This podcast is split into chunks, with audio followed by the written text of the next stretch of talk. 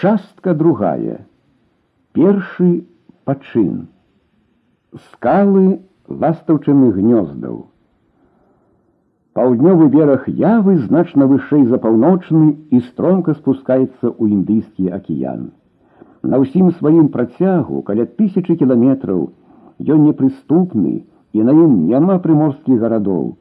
Толькі ў адным месцы прыблізна пасярэдзіне мясцовасць зніжаецца, і там знаходзіцца невялікі порт тжыла джаб, да якога нават пракладзена чыгунка. Але і порт і чыгунка – не маюць вялікага значэння, бо па-першае мясцовасць надта нездаровая. Па-другое, з гэтага боку наяву бадай што не заходзяць караблі.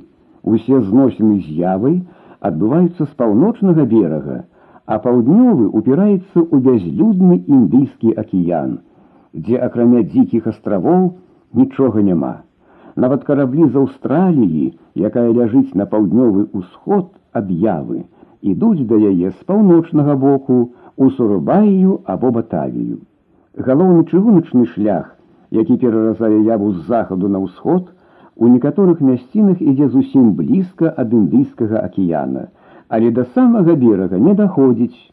Нават некалькі спецыяльных чыгуначных ліній, праведзеных ад галоўнай лініі прама на поўдзень, спыняюцца за 10-20 кіламетраў ад берага.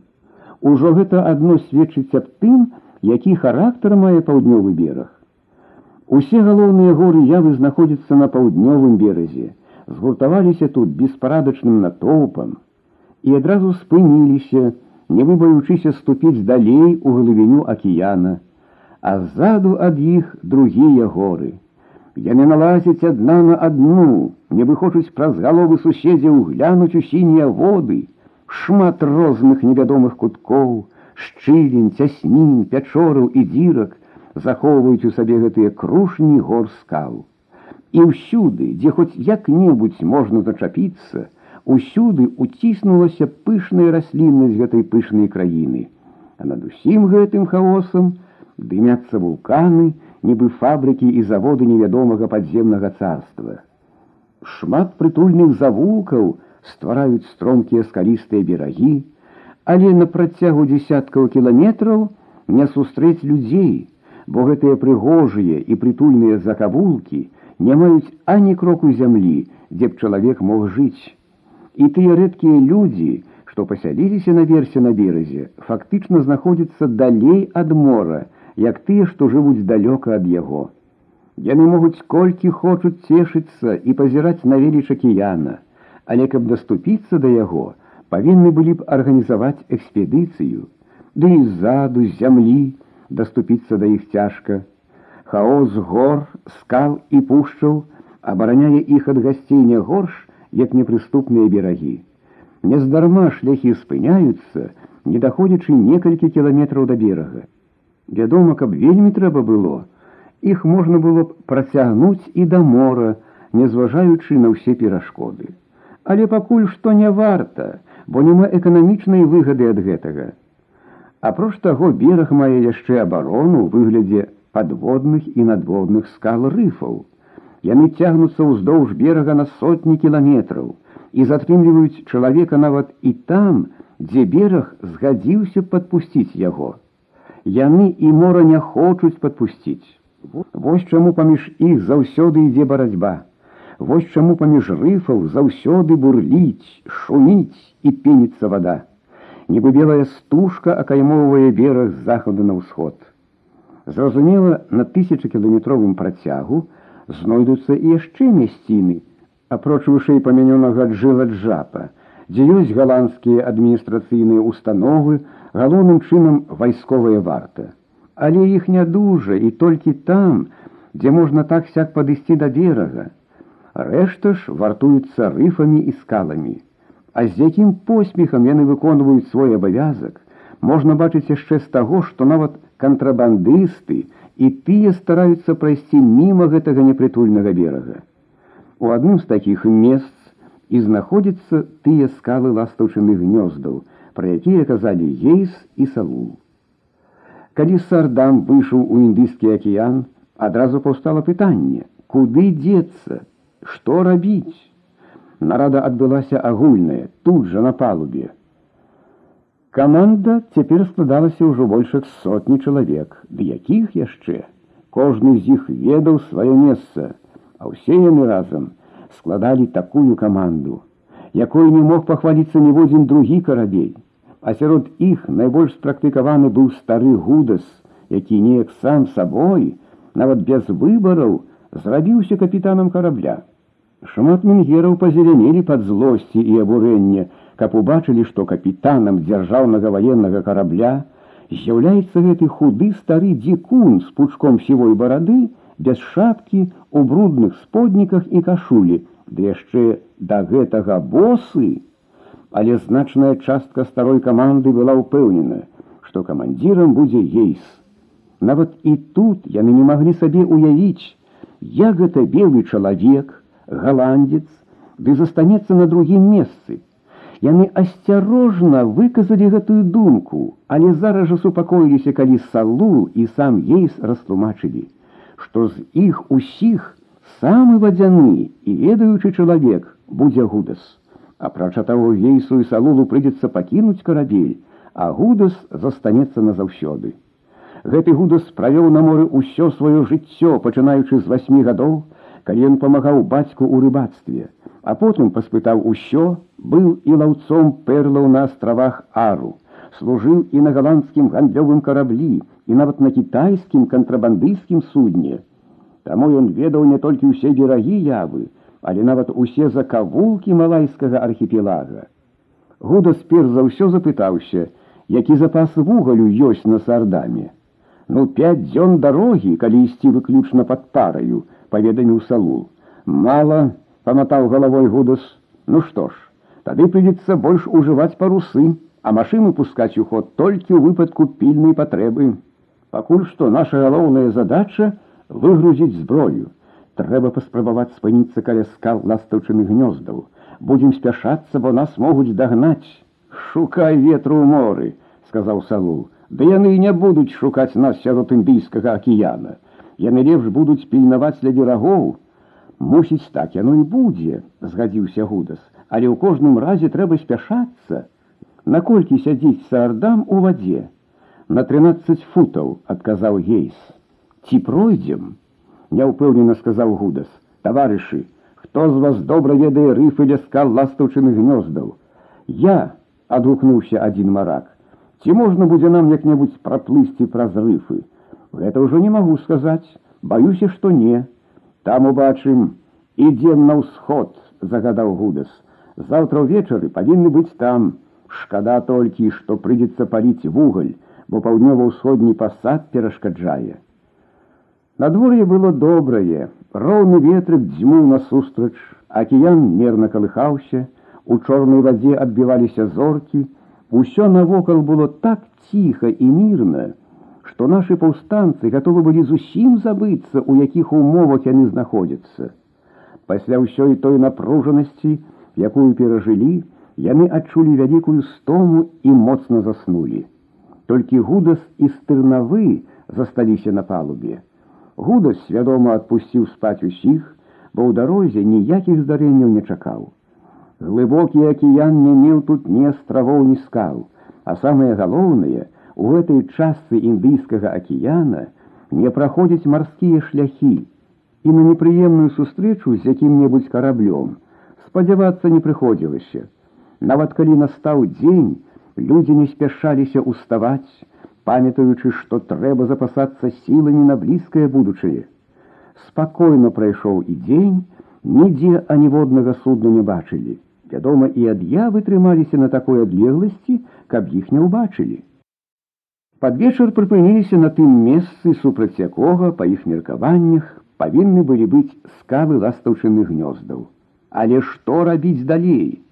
Ці можна было рызыкаваць прайсці ўначы там, дзе нават у дзень нельга прайсці, а ў дзень спыняцца таксама небяспечна, бо з высокага берага карабель можна будзе бачыць за паўсотні кіламетраў. А калі прыняць пад увагу, што карабель наогул у гэтых месцах рэч рэдкая, Ды яшчэ калі ён будзе старацца падысці да берага праз рыфы, то ўсё гэта будзе такім незвычайным здарэннем, аб якім загамоніць нават і тыя, хто гэтым зусім не цікавіцца. Праўда, вартавых пунктаў блізка не было. Не было і паселішчаў, але на такой адлегласці, як кіламетраў 80 забодавых бакоў, адкуль можа быць видзен карабель, людзі ўсё ж такі маглі трапіцца. Пасля доўгіх меркаванняў парашылі адправіць спачатку кацер на разведку. Ён павінен быў знайсці і добра абследаваць праход між рыфамі такім чынам, каб можна было адважыцца праехаць сярод іх уначы. Разам з тым трэба было абследаваць бераг, ці няма там каго непатрэбнага. Цяпер вызначым, каму ехаць, сказаў гудас. Я поеду, я пачуліся галасы у тым ліку і гоно. Пачакайце, па-першае, трэба паслаць таго, хто добра ведае гэтае месца і ў кожным разе нельга пасылаць нікога старой каманды. Калі дапусцім што-небудзь здарыцца, тады можна будзе павярнуць справу так, нібы гэтыя людзі прыбярэжныя тубыльцы і ніякага дачынення да сардама не маюць. А калі будзе хто-небудзь з каманды, тады выявіцца, што сардам тут, ды і самі яны адразу загінуць. У такім разе, зазначыў гейс, нельга пасылаць і маторны кацер, бо пазнаюць адкуль ён. Правильно, сказал Саул. Трэба паслаць лодку з парусам, каб яна мела звычайны рыбацкі выгляд. Але тады зноў нязручна, казаў далей гудас. Каб нас не заўважылі з берага, нам трэба будзе стаць прынамсі за 40 кіламетраў, а для лодкі гэта будзе надта вялікае падарожжа, ды і марудная справа. Тады мы да святла пад'едзем бліжэй, спусцім лодку, а самі ад'едзем у мора і там перачакаем дзень а ўвечары зноў пад'едзем на спатканне. К ночы карабель без агню паплыў да берага. Праз некалькі часу наперадзе паказалася неясная цёмная лінія, яна ўсё набліжалася і павышалася, вось недзе далёка справа мехціць агонь, але насупраць пакуль што не відаць нічога. Чорныя муры пасунуліся яшчэ бліжэй. Вось ужо чутно, як гудуць буруны між рыфаў. Усе добрыя людзі заўсёды, як мага ўцякаюць ад рыфаў, а мы павінны набліжацца да іх, прамою гейс. Затое, калі нам удасся іх узяць, то яны самі будуць служыць нам абаронай, сказаў Саул. А ўзяць іх мог адважыцца толькі той, хто не шкадуе ні сваёй галавы, ні карабля. Тыя ціхія невялікія хвалі, што пяшчотна калыхалі карабель сярод акіяна, тут адразу рабіліся вялікімі, раз'юшанымі, Карабель павінен быў даць задні ход, каб яго не прыбіла да рыфаў. Хвалі кідаліся на скалы, адбіваліся назад, зноў кідаліся, круціліся, раўлі і пеніліся, каб толькі прарвацца на той бок агарожы. Але тыя, каму гэта ўдавалася, адразу трацілі сваю моц і злосць і рабіліся ціхімі, як авечкі. Яны пяшчотна плюхаліся ля падножжа скал, нібы просячы прабачэння за тое, што нахрапам праціснуліся сюды. Усё гэта адбывалася ў добрае ціхае надвор'е. Што ж тады павінна быць у буру? Спусцілі шлюбку, у ёй размясціліся 12 чалавек пад камандай гудасавага памочніка сідана. Рабіце сваю справу, таварышы, сказаў на развітанне гудас. Заўтра ўвечары мы будзем тут. Лодка ад'ехала, Карабель стаў зварочвацца назад. Раптам высока на беразе заблішчэў агонь. Усе ўздрыгануліся. Хто гэта можа быць? Галандская варта, ці тутэйшыя жыхары, а можа нават і свае. Я думаю, гэта не галандская варта, сказаў гудас, бо тут вартаваць няма аніякага сэнсу. І я так думаю, згадзіўся гейс, ды нават каб гэта і варта была то можна напэўна сказаць, што яна нас не бачыла, бо тады не запальвалі б агню, які можа нас папярэдзіць. У такім разе гэта могуць быць або мясцовыя жыхары, або нашы таварышы, падагуліў салун. Калі ж гэта жыхары, то баяцца няма чаго, а калі нашы, а ці могуць быць нашы, перапыніў гудас. Хіба яны ведаюць, дзе мы прыстанем. Гэтага мы і самі не ведаем, адказаў салу. Я гэта кажу на той выпадак, калі ні пра каго іншага падумаць нельга, Ды і не будзе дзіўным, калі нашы таварышы на месцах будуць на кожны выпадак пільнаваць нас у некаторых пунктах паўднёвага берага. У кожным разе я думаю, што нашым разведчыкам небяспека не пагражае. Не паспеў ён скончыць апошнія словы, як з берага пачуліся выстрелы. Адзін, другі, трэці. Рэха падхапіла іх і пачало кідаць уздоўж і поперак берага. Начная цішыня была парушана. Стоп! крыкнуў гудас. Машына сціхла, уся каманда затоіла дыханне, карабель ціхенька пасоўваўся наперад.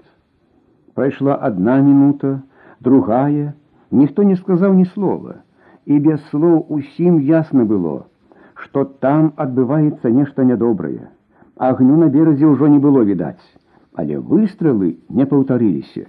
Няўжо трыма выстраламі і скончылася ўся справа. Яны або зараз жа вернуцца, або або ніколі не вернуцца, прамовіў нехта ў цішыні. Камандзіры ціха раіліся. Пасля таго, як выстрелы спыніліся, справа ўжо не здавалася ім такой небяспечнай. Яна зрабілася толькі больш загадкавай. Хто страляў? Нашы страляць не маглі, каго б яны там не сустрэлі. Гэта не ў нашых інтарэсах. Яны маглі толькі страляць, ратуючы сваё жыццё. Няўжо яны трыма стрэламі выратавалі сваё жыццё, а больш не адкуль ні гуку.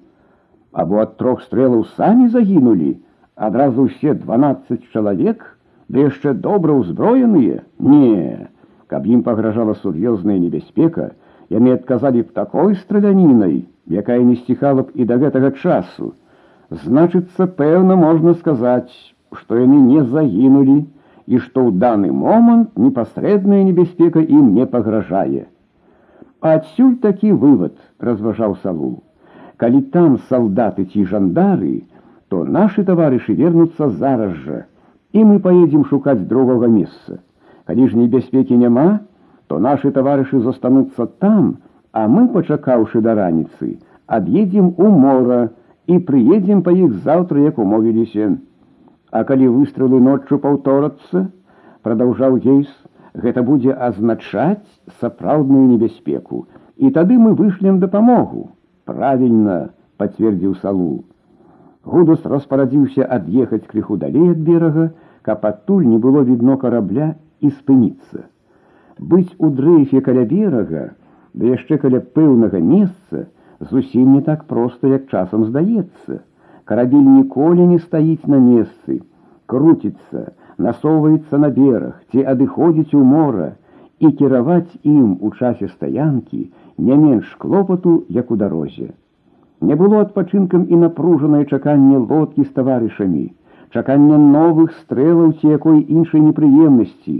Аднаго разу, зноў заблішчэў агонь і зноў знік. Невядома было ці то сам агонь згасаў, ці карабель паварочваўся так, што агню не было відаць. Што там цяпер адбываецца, хто ж нарэшце страляў? Так прайшло некалькі гадзін. Набліжалася раніца, больш чакаць не было патрэбы. Карабель адышоў у мора. Сідан і яго таварышы, Пачулі стрэлы, калі лодка набліжалася да рыфаў, і адразу ўсе вёслы замерлі ў паветры. Агню адсюль не было відаць. Можа, ехаць не варта, калі нас так сустракаюць, прамыю адзін з матросаў. Калі хоць адзін вораг будзе тут, сардам ужо не можа прыставаць. А ты ведаеш, хто страляў, у каго стралялі, чаму? строга сказаў седан, калі не ведаеш, то вяртацца не маеш права, уперод і лодка пачала шнырыць узад і ўперад каля смяротных рыфаў. Зоркі ды белыя грабяні прыбоя служылі асвятленнем. Кожны момант можна было чакаць, што лодка трэска стукнецца аб камень, але маракі спакойна і ўпэўнена рабілі сваю справу. Нарэшце знайшлі патрэбны ім праход, ад'ехалі крыху назад, паставілі лодку носам на скалы і паляцелі прама на бар'ер. Якая павінна была быць упэўненасць, каб так смело кінуцца на каменні. Узляцела лодка на хвалю, так што нос яе на момант застаўся ў паветры, і праз міг апынулася на тым баку. Пад'ехалі да самай сцяны, накіраваліся ўздоўж яе, зварот налево, у маленькую бухтачку, потым направа і нарэшце, яны ў нейкім калідоры альбо шчыліне. Гэта шчыліна, або як кажуць фіёрд, і мелася на ўвазе, калі гаварылася аб скалах ластаўчыных гнёздаў. Яна мела шырыню і даўжыню не болей за добры карабель, знаходзілася ў недаступным месцы і ў маракоў ні ў якім разе не лічылася за прытулак. Стромкія сцены ўздымаліся ў гору метраў на 300-400.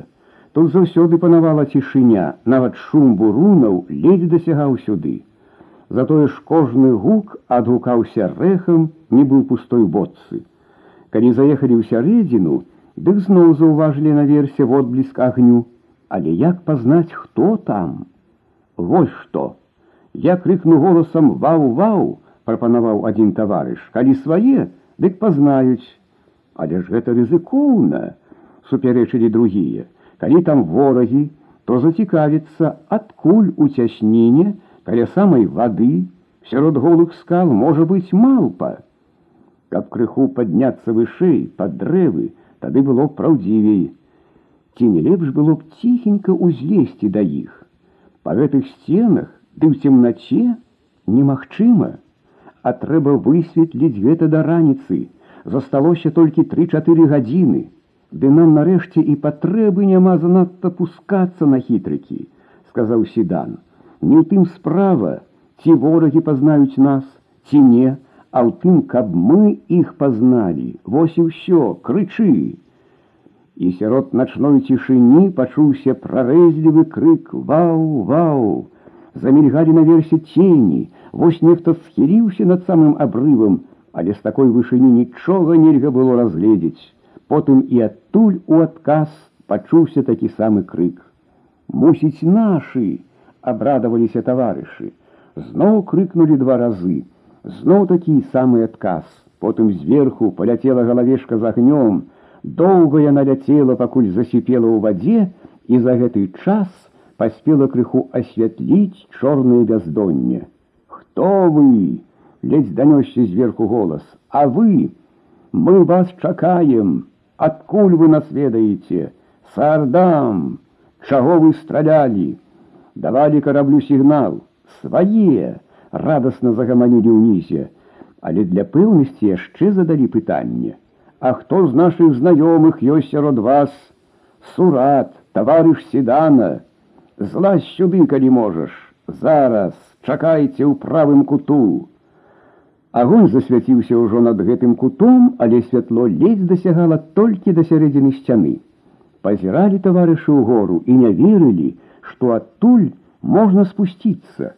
Але праз некалькі мінут яны неспадзявана заўважылі, што чалавечая постаць, варушыцца на нейкай прыступацы ўжо пасярэдзіне сцяны. Яшчэ некалькі мінут, і чалавек захістаўся ў паветры на доўгай вяроўцы, і нарэшце новы таварыш апынуўся ў лодцы. Сурат, седан! Прыяцелі шчыра абняліся і гэтым пацвердзілі перад усім светам, што яны сапраўды свае. Мы былі ўпэўнены, што гэта сардам, казаў сурат, але ніякім чынам апроч агню, не могли дать знать аб сабе, крыкаў не чуваць, страляць баяліся, каб не спудзіць вас. Толькі калі карабель пачаў адыходзіць, мы з роспачы пачалі страляць з рэвальвера, які ў нас ёсць адзін на ўсю каманду. А колькі вас тут? Пяць чалавек. Мы сядзім ужо тыдзень. Паслалі нас сюды на кожны выпадак, бо пэўнага месца не было вызначана. Уздоўж берага яшчэ сядзяць таварышы ў некалькіх пунктах, якія больш-менш можна скарыстаць. Мы не спадзяваліся на такую удачу. Ну як у вас, ці гарачая была справа, ці дужа нашых загінула? Двое. Затое мы маем сто кулямётаў і 30 тысяч вінтовак. 30 тысяч! Аж падскочыў сурат. На цэлую армію хопіць. Ці знойдзецца тут добрае месца, каб схаваць усё гэтае добро. Пашукаўшы, знайсці можна будзе, толькі было б што хаваць. Напрыклад, тая дзірка, праз якую я прыйшоў, вельмі добрая, толькі для ўсяго багацця будзе замалая, А цяпер запрашаю вас у госці да нас. Ахвотнікаў ісці або вярней лезці ў госці знайшлося больш як трэба. Прыйшлося чатырох пакінуць прымусова, а рэшта палезлі ў гару. Як бачыце, мы самі тут і вяроўку даўжэзную звялі, і нават вузлоў нарабілі, каб лягчэй было лезці. Тлумачыў гасцінны гаспадар і першы палез на прыступачку. Адтуль у бок ішла шчыліна, а далей адчыняўся нібы туннель між наваленых адна на адну скал, але прабірацца паміж іх не было аніякай прыемнасці. Увесь час прыходзілася то каціцца ўніз, то стукацца галавой аб верх, то паўсці на вострым каменні. На кожным кроку можна было трапіць ногой у якую дзірку. Добра яшчэ, што насустрач выйшлі таварышы з агнём, а то зусім было б дрэнна. Калі нам прыйдзецца тут цягаць наш груз, то мы яго ўвек не перацягнем, заўважыў седан. Нічога, можна прызвычаіцца, адказалі гаспадары. А можа прыдумаем што-небудзь і іншае. Нарэшце павылазілі вон, абагнулі некалькі скал, падняліся яшчэ вышэй і апынуліся ля стаянкі. Каля скалы стаяў пабудаваны з галля буданчык, супраць яго гарэла вогнішча. Вогнішча гэтае, як маяк, было накіравана толькі ў адзін бок на мора. Акіян чарнеўся і дыхаў недзе далёка і глыбока. Шум хваляў ледзь даносіўся знізу, а ззаду, у дзікім беспарадку грамадзіліся горы, хоць і нельга было разгледзець іх, але выразна адчувалася, што яны нібы лезуць і праціскаюцца да берага. Як вы дабраліся да гэтага месца? запытаўся седан. Калі трэба, усюды пройдзеш, усміхнуўся таварыш. Ці ёсць блізка людзі, ці наведваюцца сюды галандскія сабакі? Хоць гэтыя горы і заросшыя, але засяліць іх бадай што немагчыма, тым болей, што доступу да мора няма. Сям там сустракаюцца халупкі, пра якія, здаецца, не ведаюць ні бог, ні людзі.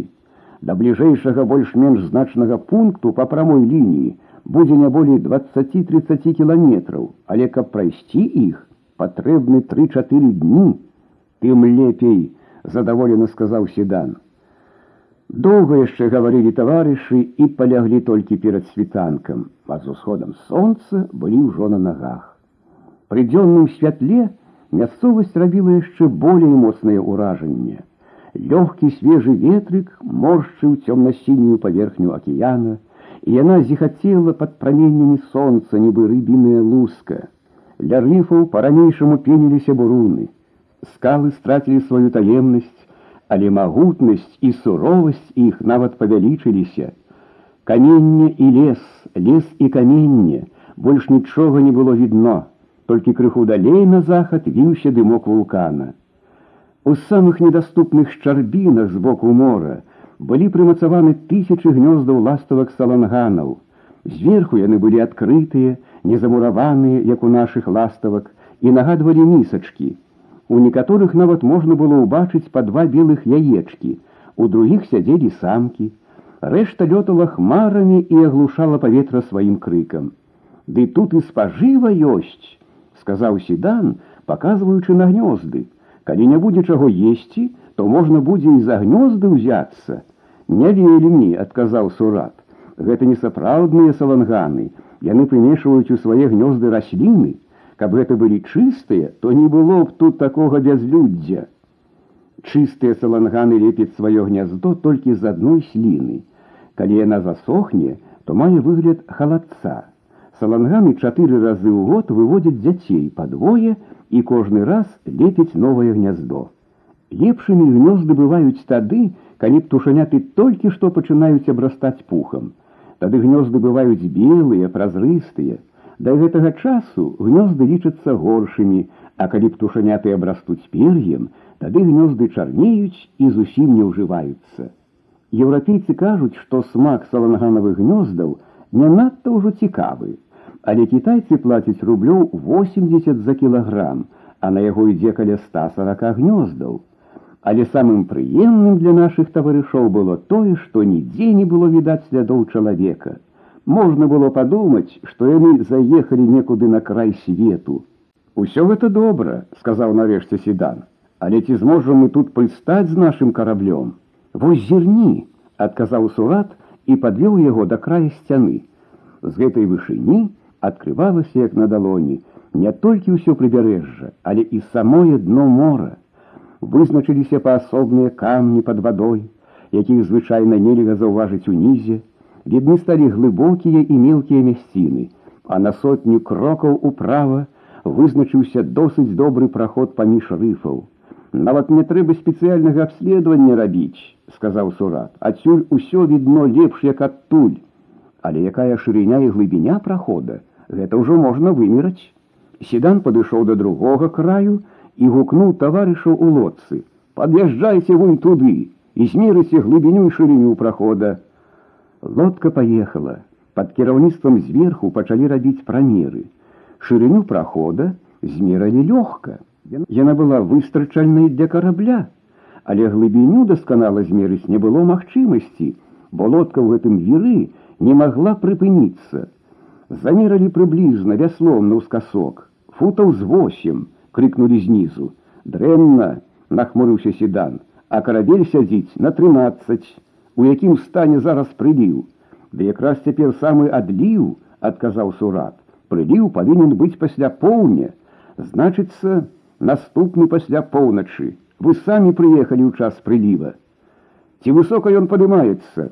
Ды учора, напрыклад, зусім схавалася вунь тая скала. Седан зірнуў на яе і павесялеў. Скала выглядала досыць высокай. Хлопцы, прыкіньце там вышыню вон той скалы, зноў крыкнуў ён уніз. Футаў з дзесяць, адказалі знізу, вельмі добра, павесялеў седан. Гэта значыць, разам будзе 18 футаў. Потым прасачылі глыбіню ў іншых месцах па дарозе ў фіёрд. Замерылі адлегласць ад бар'ера да прыбярэжнай сцяны, каб паглядзець, ці зможа карабель завярнуцца ў бок. Гэты вынік быў не вельмі здавальняючы, адлегласць мала перавышала даўжыню карабля, значыцца не вельмі тут разгорніще. Ну што ж, сказаў сурат, нічога не зробіш. Прыйдзецца браць крыху на ўскос, дыцягнуць канатамі, вунь за тую ды за тую скалу можна будзе іх зачапіць. Такім чынам абмеркавалі ўсе магчымасці, падрыхтаваліся, і сталі чакаць вечара. А гадзіне першай ці другой надышоў прыліў і сапраўды заліў тую скалу. Значыцца, з гэтага боку ўсё было добра. Пад вечар лодка выехала ў мора. Прайшло паўгадзіны, гадзіна, а наперадзе нікога не было. Яшчэ гадзіна мінула. Зрабілася ўжо зусім цёмна, але ні карабля, ні кацера нідзе не было.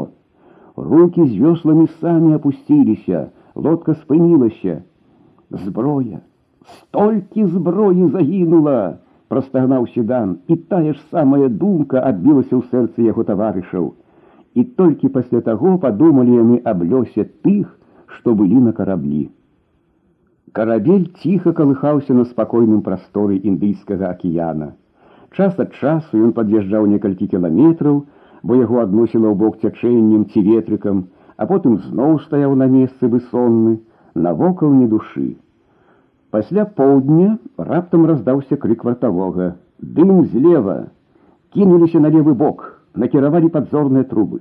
На поўдні ледзь віднеўся карабель, але распазнаць яго было немагчыма, нават нельга было заўважыць, у які бок ён ідзе. Каманда пазірала на кіраўнікоў, чакаючы загаду, ці ўцякаць, ці падрыхтоўвацца да бойкі. Тыя напружана сачылі за караблём і абменьваліся думкамі. Рэгулярныя караблі тут не ходзяць, значыцца, гэта ёсць выпадковы. Але ён, як відаць, ідзе з Аўстраліі, значыцца, не з тых, што маглі быць пасланы за намі ўздагон. Гляньце, гэта ж англійскі дрэдноут, ідзе ён на паўночны захад, да нас ён ніякага дачынення не можа мець. Але ён потым можа сказаць, што бачыў нас ля берага каля скал ластаўчыных гнёздаў, а гэта будзе зусім дрэнна, Тады нам трэба паказаць, што мы ідзем зусім у другі бок. Праз некалькі мінут сардам накіраваўся на паўднёвы захад, нібы ў Афрыку. Шляхі абодвых караблёў павінны былі скрыжавацца. Магутнае сталёвае чатырохтрубнае страшыдла набліжалася так хутка, што сустрэча павінна была адбыцца бліжэй, як гэта было пажадана. Гэта ўжо занадта незадаволена бурчэў гудас. Цяпер ужо нічога не зробіш, сказаў салу, назад ужо не пойдзеш, але тым таварышам, якія ўбраны не ў вайсковае адзенне, прыйдзецца хутчэй схавацца, у тым ліку выбачай і табе самому, бо калі заўважыць такога капітана ды такую каманду на ваенным караблі, то могуць зарыштаваць нас. Гудас не мог не згадзіцца з гэтым і са смешным выглядам, чухаючы патыліцу палез са свайго высокага паста. Яго месца заняў ейс. Схаваліся і гудасавы малайцы, на першае месца высунулі сапраўдную каманду. Дрэдноут перасек дарогу метраў на сто наперадзе, нібы гмахі ўздымаліся на ім надбудовы, з якіх высоўваліся даўжэзныя гарматы. Вялізныя белыя хвалі ўздымаліся ля носу карабля, на палубе віднеліся белыя фігуры каманды.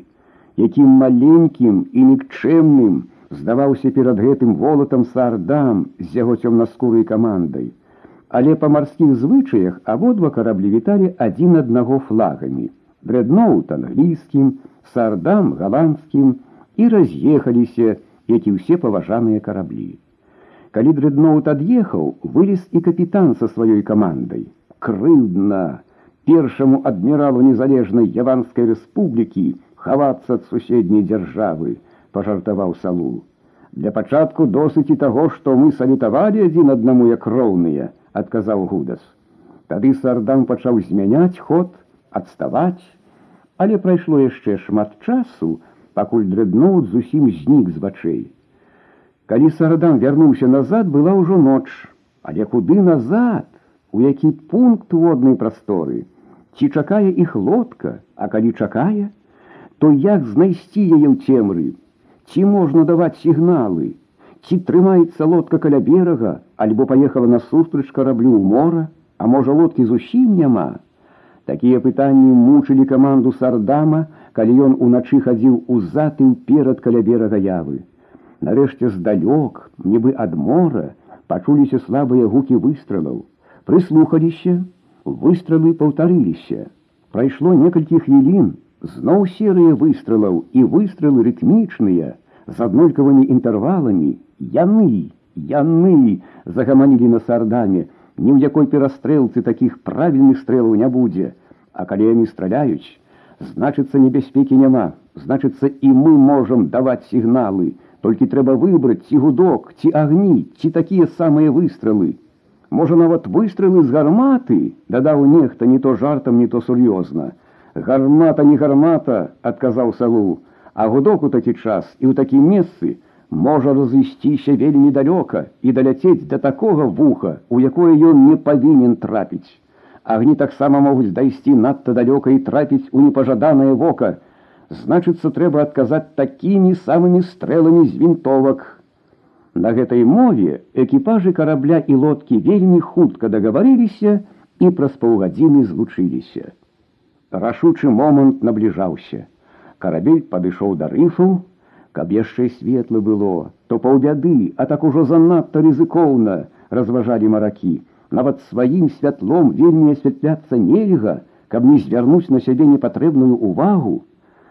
На ейса быў складзены тэхнічны інжынерны бок справы. Ён загадаў запаліць тры ліхтары, два па баках і адзін наперадзе. Бакавыя трэба было засланіць зверху і накіраваць святло толькі на скалы па баках прахода. Пярэдні ліхтар такім самым чынам павінен быў асвятляць дарогу перад носам карабля. Калі нарэшце запалілі ўсе тры ліхтары, то засталіся вельмі задаволенымі, толькі тры яскравыя плямы блішчэлі на вадзе, а ўвесь карабель губляўся ў змроку. Гэтак і за паўкіламетра не заўважыш яго, цешыўся гудас. Потым замасавалі два тросы на беразе, адзін прама наперадзе, а другі далей у бок. Гэтыя тросы павінны былі наматваць машыны лявёткі, і карабель павінен быў пасоўвацца наперад павольна, цвёрда і пэўна, крыху наўскасок і не адхіляючыся ў бакі. На долю каманды заставалася толькі кіраваць кармой карабля, каб яна не стукнулася аб каменні. Але гэтае толькі было цяжэй і небяспечней за ўсё іншае. Заставалася яшчэ адна небяспечная магчымасць. Калі карабель павольна цягнуць наперад двума напружанымі тросамі, Ён, вядома, адхіляцца не будзе і пойдзе па сярэдняй лініі, але што будзе, калі хвалі штурхануць яго ззаду і прымусіць пайсці хутчэй, як трэба. Значыцца, трэба будзе ўвесь час падтрымліваць задні ход, каб карабель не пасунуўся наперад, адказаў ейс. Іначай кажучы, трэба будзе адначасова карыстацца абодвума процілеглымі сіламі і даваць перавагу першай настолькі, наколькі гэта патрэбна, разам з тым гэта значна паслабіць і рухі кармы ў бок. Доўга ішла падрыхтоўчая праца. Асабліва цяжка было замасаваць тросы. Вада тым часам усё прыбывала, а другой гадзіне яна заліла ўжо і той камень, які служыў меркай прыліва. Карабель стаяў нарыхтаваўшыся, носам наперад і чакаў апошняй хвіліны. Сто чалавек каманды прыстасаваліся па баках, узброеныя чым толькі магчыма. Значная частка сядзела на трапах з надворнага боку карабля. Усе трымалі ў руках што-небудзь, каб адапхнуцца ад скалы, нават мяхі з мукой пусцілі ў ход. Яны віселі па баках на вяроўках, і два чалавекі трымаліся за канцы яе, каб у выпадку неабходнасці апусціць мяхі ў ваду між караблём і скалой. Пачынай, закамандаваў гейс. Затарахцелі лябёткі, нацягнуліся тросы, і карабель папоўз наперад. Але чым бліжэй да рыфаў, тым мацней былі хістанні карабля. Гуда стаяў лястырна, босы, цёмнаскуры з голай галавой, у расшпіленай падранай кашулі, з бліскаючымі вачыма. Ён здаваўся адным з тых капітанаў зданняў на зачараваных караблях, аб якіх ходзіць столькі легенд сярод маракоў усяго свету. Ей скіраваў машынамі. Яго рухі і звінючы голас здаваліся зусім спакойнымі, але больш пільнае вока, магло б заўважыць, як дрыжаў кожны нерв, кожны мускул на яго твары і руках. Задні ход, аслабіць тросы, аслабіць ход, узмацніць тросы. Вось ужо сярэдзіна карабля ў праходзе, каманда з поспехам адпіхваецца ад скал. Вось самы рызыкоўны момант. У праходзе хістаецца карма. Вось яна адхіснулася налево на камень. Шчаціна з жэрдак, кіёў, утыкаецца ў камень, слізгаецца. Вось адзін з людзей паляцеў з трапа ў ваду, ледзь не трапіў паміж караблём і скалой, упаў і выплыў к носу карабля. Ратаваць яго не было часу і не было патрэбы, ведалі, што не ўтопіцца. Потым раптам кінула карму направа. Людзі не паспелі ці не маглі устрымаць яе сваімі жэрткамі. Пачуўся штурх. Два мяхі з мукой апынуліся між караблём і каменнем. Лягчэй уздыхнулі сотні грудзей, і яшчэ лягчэй усе уздыхнулі, калі карабель шугануў праз бар'ер, але праз момант радасць была сапсавана другім штуршком, цвёрдым, злым, трэснула наперадзе ля носа. Ей скінуўся туды, але нос карабля не дакрануўся да берага. Значыцца, карабель штурхануўся аб нейкі надводны камень для сцяны. Тым часам знізу паведамілі, што ў левой насавой частцы на паўметра ніжэй ватерлініі прабіта дзірка, на шчасце невялікае, бо рух карабля быў вельмі слабы. Пакуль што запхнулі яе, пусцілі ў ход насосы і пачалі совацца далей. У параўнанні са ўсёй справай такая бяда зусім не бяда, сказаў гейс, А калі разгрузім карабель, то прабоіна падымецца над вадой і яе лёгка будзе паправіць. Далейшая праца была ўжо лягчэйшай. Паціху заехалі ў фіёрд, паставілі карабель, замацавалі яго, але, на жаль, увесь не схаваўся. І карма яго крыху высоўвалася. Праўда, высоўвалася яна не ў мора, а ў такі самы фіёрд, але ўсё ж такі, калі хто-небудзь з мора захацеў бы пільна прасачыць бераг, то мог бы заўважыць: нічога, супакоіў гудас. Мы так прыбяром гэты канец зялёным галлём і дрэвамі, што нават зблізку не пазнаюць. Гэтую ноч правялі нібы ў сябе дома. Кожны адчуваў спакой, упэўненасць. Важнейшая праца была зроблена. Зброі не пагражае непасрэдная небяспека. Нават каб цяпер і з'явіліся галандцы, з імі можна было паступіць у бойку як роўны з роўным. Каб выгрузіць зброю пры такіх нязручных умовах, знайсці для яе месца, перанесці, размеркаваць, а потым яшчэ паправіць карабель, патрабавалася шмат часу, можа некалькі месяцаў, а тым часам трэба было падрыхтаваць справу і з другога боку, увайсці ў сувязь з арганізацыямі па ўсёй краіне. Дзеля гэтага ўжо на другі дзень Ейс і Салул пакінулі карабель і накіраваліся праз горы, а там яны разлучыліся. Салул паехаў у батавію, а ейс у Сурабаю. Адтуль ён паехаў у Сінгапур і прыехаў у батавію ўжо ў якасці паважанага мін'ера ван Декера. Далейшае нам ужо вядома. Каманда сардама прыступіла да працы. Спачатку прыгожылі карабель, так скавалі яго за зелянінай, што выкрыць можна было б толькі пад'ехаўшы зусім шчыльна. Потым пачалі прыстасоўвацца да выгрузкі, прыладзілі блокі, каб падымаць цяжар у гору, але ў той жа дзень прыйшлося не толькі прыпыніць падрыхтоўку, але нават прыбраць тое, што было зроблена. На захадзе ля берага заўважылі чорную кропку. Праз некаторы час убачылі, што гэта паравое невялікае судна, а яшчэ праз некалькі хвілін пераканаліся, што гэта галандскі мінаносец. Паводле таго, што ён ішоў ад захаду уздоўж берага і нібы часам прыпыняўся, можна было здагадацца, што ён пасланы спецыяльна, каб абследаваць паўднёвы бераг явы, а можа і іншых астравоў і знайсці след сардама. Схаваць усе сляды і падрыхтавацца да бою, раздалася каманда гудаса.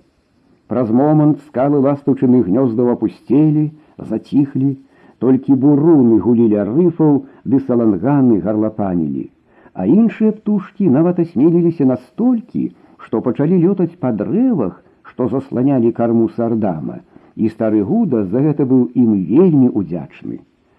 Мінаносец наблізіўся, убачыўшы маленькую затоку, ён нават павярнуў бліжэй да берага, але пеністыя буруны папярэдзілі яго, што сюды набліжацца нельга. Вакол бязлюддзе, толькі птушкі шчабечуць ды лётаюць па дрэвах.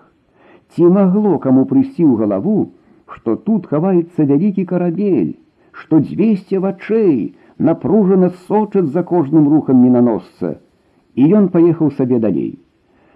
Пасля гэтага на працягу некалькіх тыдняў бачылі толькі адно паруснае судна і адзін параход, ды то далёка на гарызонце.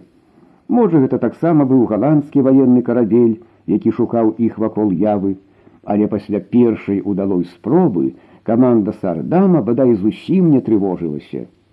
Праца ішла сваёй чаргой. Марудна, скрыня за скрыняй, падымаліся ў гору вінтоўкі, патроны, паднялі некалькі кулямётаў. Доўга прыйшлося радзіцца ці чапаць карабельныя гарматы. Адны казалі, што сардаму з яго чатырма невялікімі гарматамі усё роўна немагчыма ўступаць у бойку з добрымі ваеннымі караблямі, а на зямлі яны спатрэбяцца, Другія даводзілі, што і на зямлі іх нельга будзе выкарыстоўваць, бо перацягнуць іх праз гэтыя горы без належнай колькасцю снарадаў не хопіць сіл. Досыць будзе, калі удасца даставіць усе вінтоўкі, кулямёты і патроны.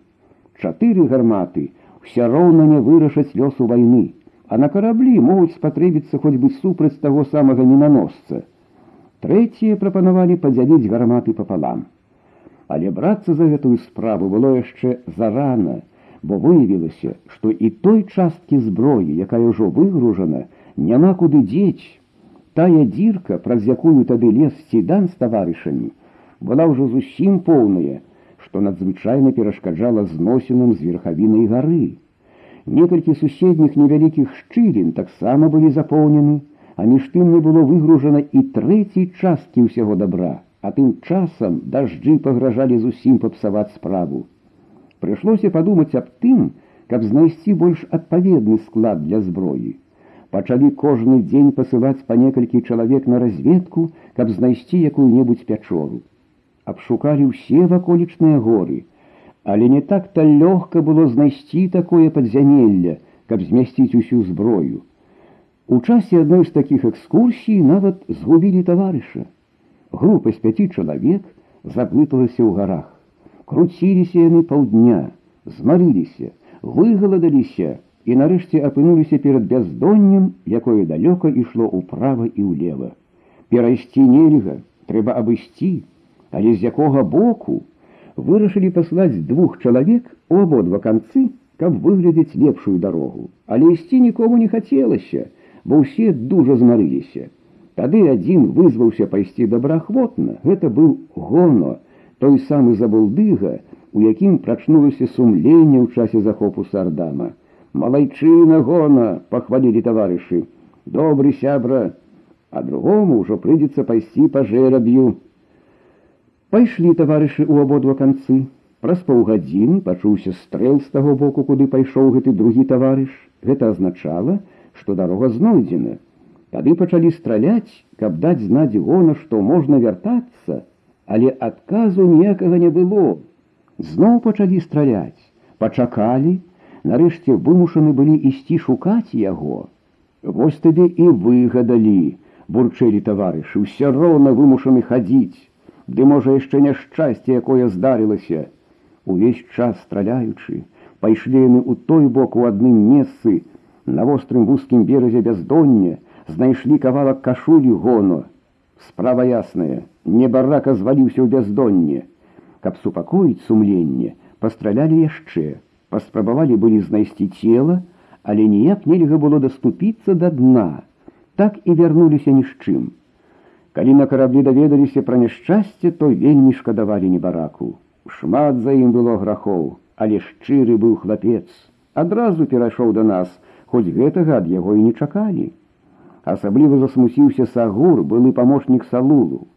Ён падышоў да гудаса і доўга аб нечым размаўляў з ім.